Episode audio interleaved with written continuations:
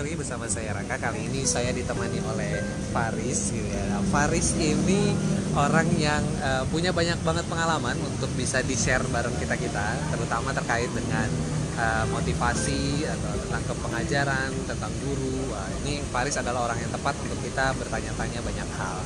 Oke, kali ini uh, saya akan bertanya satu hal sama Faris yaitu terkait dengan uh, apa yang bisa memotivasi kita sebagai seorang.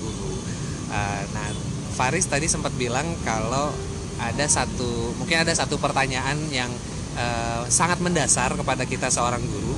Apakah kita benar-benar seorang guru gitu ya? Am I a, a teacher gitu ya? Am I the right teacher gitu ya? Oke, okay, baik uh, Faris. Menurut Faris gimana nih terkait dengan kira-kira guru yang baik, guru yang bagus, guru yang hebat itu yang seperti apa ya? Iya, guru yang baik, guru yang bagus adalah guru yang sadar kalau dirinya adalah seorang guru. Terus? Bukan seorang pekerja kasar, bukan seorang yang merubah masa depan, bukan seorang yang bisa menyulap anak yang bodoh menjadi pintar, atau mungkin bukan orang yang segalanya harus bisa guru adalah kita. Kita yang harus bisa menjadi seorang guru yang bisa mengguru diri kita sendiri. Sehingga kita bisa terlihat lebih baik baru kita bisa menggurui orang lain.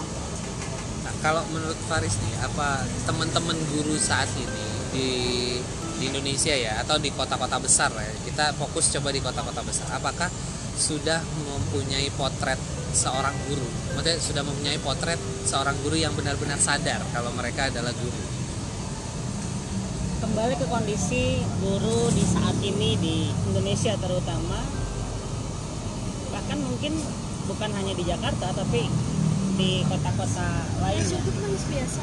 Sudut.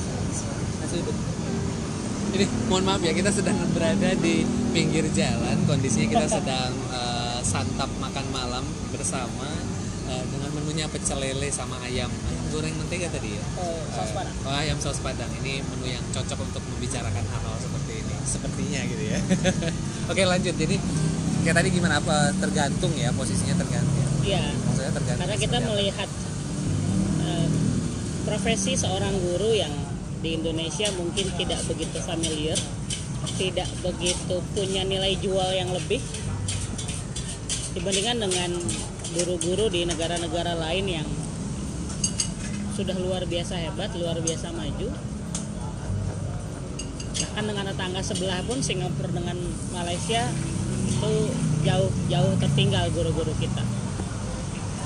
Pertanyaannya adalah apakah semua guru sudah menjadi seorang guru agaknya belum ya kalau kita lihat sekarang tidak usah jauh-jauh mungkin kita sebagai sama guru melihat ke lingkungan sekitar kita saja.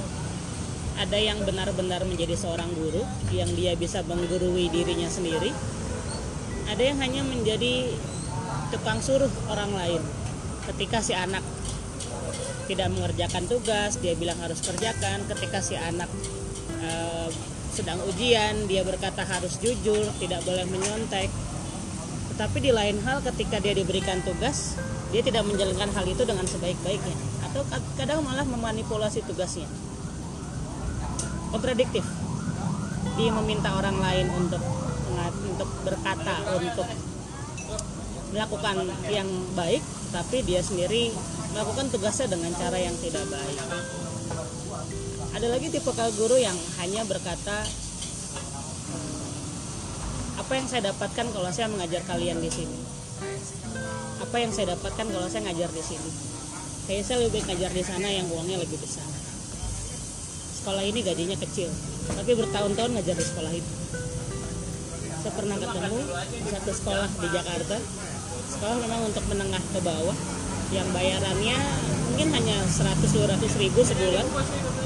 Siswanya cukup banyak dan menariknya si siswa tersebut suka cerita ada satu guru dan pelajarnya sama dengan saya matematika yang setiap kelas eh, setiap dia mengajar kalau dia marah satu kalimat yang anak-anak hafal. Saya tuh ngajar kalian karena terpaksa di sini gajinya kecil. Makanya kalian jangan bandel-bandel di sini. Tapi lucunya guru itu sudah lebih dari tiga tahun di sekolah itu mungkin antara kebutuhan dan keinginan yang tidak sejalan. Tapi ya kembali lagi itu adalah seorang guru yang sepatutnya tidak seperti itu. Ya mungkin di pedalaman akan lebih parah lagi. Ada yang digaji hanya ratusan ribu mungkin yang digaji dengan ucapan terima kasih. Tapi kalau kita melihat mungkin kalau saya baca dari pengalaman orang-orang yang sudah pernah ke pedalaman ternyata ada yang berbeda antara guru kota dengan guru di pedalaman. Rasa ikhlasnya lebih besar mereka. Cintanya lebih besar mereka. Dan mungkin hal itu yang membuat apa yang mereka ajarkan sampai ke siswa. Pertanyaannya kenapa kita di kota-kota besar di sekolah-sekolah mewah justru anaknya bandel-bandel? Bisa jadi salah satunya adalah karena kita tidak mengajar dengan hati. Kita tidak kita tidak benar-benar menjadi seorang guru yang bisa menggurui dirinya sendiri baru menggurui orang lain Oke, baik. Kalau misalnya nih saat ini di tidak hanya di Indonesia ya, guru juga sudah masuk dalam ranah profesionalisme. Gitu Kan artinya eh, apa yang diberikan seorang guru itu ya eh, itu sudah ada dalam ranah standarisasi secara nasional gitu. Jadi guru itu punya kewajiban administrasi eh, dan hal-hal terkait dengan pengajaran pedagogik yang sudah dibuat eh, sama gitu ya sehingga dan sudah dibuat eh, apa penilaiannya sehingga eh, bisa disebut sebagai eh, profesional gitu kan. Nah, yang artinya tidak lagi sebenarnya nah dengan profesionalisme guru ini cocok nggak sih eh, predikat pahlawan tanpa tanda jasa ini masih melekat dalam guru jika ternyata sekarang apa apa pun yang dilakukan oleh guru itu terhitung dalam profesionalisme. Artinya eh, kalau zaman dulu eh, ya kita tahu lah secara- menurut saya pribadi konsep pahlawan itu sendiri sebenarnya adalah tanpa pamrih gitu kan. Eh, sementara ketika sudah masuk ranah profesionalisme apa pun yang kita lakukan itu ada pamrihnya. Ada konse ada kompensasinya ada rewardnya atau ada punishment ketika kita tidak sesuai dengan standar profesionalisme nah jika guru sudah menyemat kata profesionalisme apakah eh, slogan pahlawan tanpa tanda jasa ini sudah tidak cocok lagi dengan guru?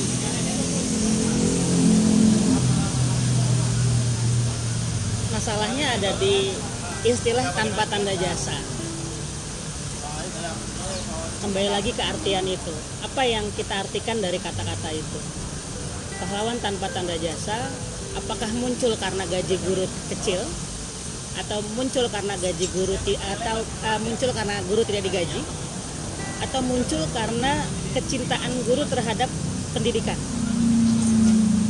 Kalau masalahnya kalimat guru tanpa tanda jasa muncul karena gaji guru yang kecil atau guru yang tidak digaji maka istilah itu tidak akan tepat lagi kalau gurunya dari kota ngajar di sekolah yang bonafit dan mendapatkan gaji yang luar biasa. Dan kata-kata itu hanya cocok untuk guru-guru di pedalaman yang masih digaji dengan seadanya. Artinya nanti akan ada pengklarifikasian guru tanpa tanda jasa dan guru dengan tanda jasa. Tapi kalau kita mengartikan tanpa tanda jasa ini adalah guru yang mengajar dengan hati guru yang menikmati proses mengajarnya guru yang tidak pernah mengharap apa pun dari apa yang dia ajar selain ilmu yang dia berikan akan berfungsi akan berguna untuk anak didiknya di masa depan. Guru yang berpikir bahwa mengajar adalah sebuah keindahan sebuah tugas yang memang Allah berikan kepada dirinya karena dia memiliki ilmu. Seperti ungkapan dalam Islam yang mengatakan bahwa berilah ilmu kalian walaupun itu hanya sedikit. Amalkanlah ilmumu walaupun hanya sedikit. Dan ilmu itu akan berfungsi kalau kita mengamalkannya bukan hanya belajar tanpa mengamalkannya jadi saya kira ungkapan itu akan tetap ada selama istilah tanpa tanda jasa ini tidak hanya melekat pada kategori uang. Kalau kita berbicara profesional, kita tidak hanya berkata saya akan dapat uang, tetapi profesional secara materi mungkin bagus dan betul, tapi juga ada profesional secara sikap, profesional profesional secara kemandirian kita, profesional secara pemikiran kita. Semuanya harus profesional. Jangan kita meminta gaji yang profesional, tetapi sikap kita untuk menjadi seorang guru belum profesional. Belum benar-benar ya kita mengajar. Bukan hanya memberitahu orang lain, bukan memaksakan masa depan untuk orang lain. Atau bahkan yang lucunya adalah kita menjadi guru saja tidak sengaja, tetapi dengan kuasa menyuruh orang lain untuk merubah masa depannya. Oke baik, Eh, aduh bagus banget insight yang kita dapat dari Pak Faris ini ya.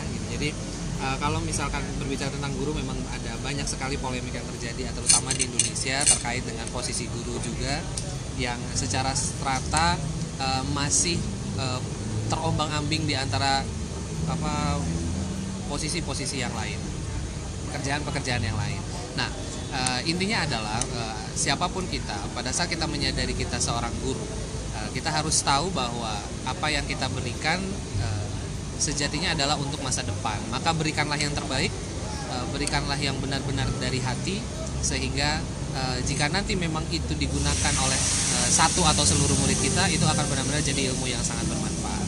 Oke cukup sekian waktunya bersama Faris. Kita akan lanjutkan makan. Terima kasih banyak. Selamat malam. Salam remari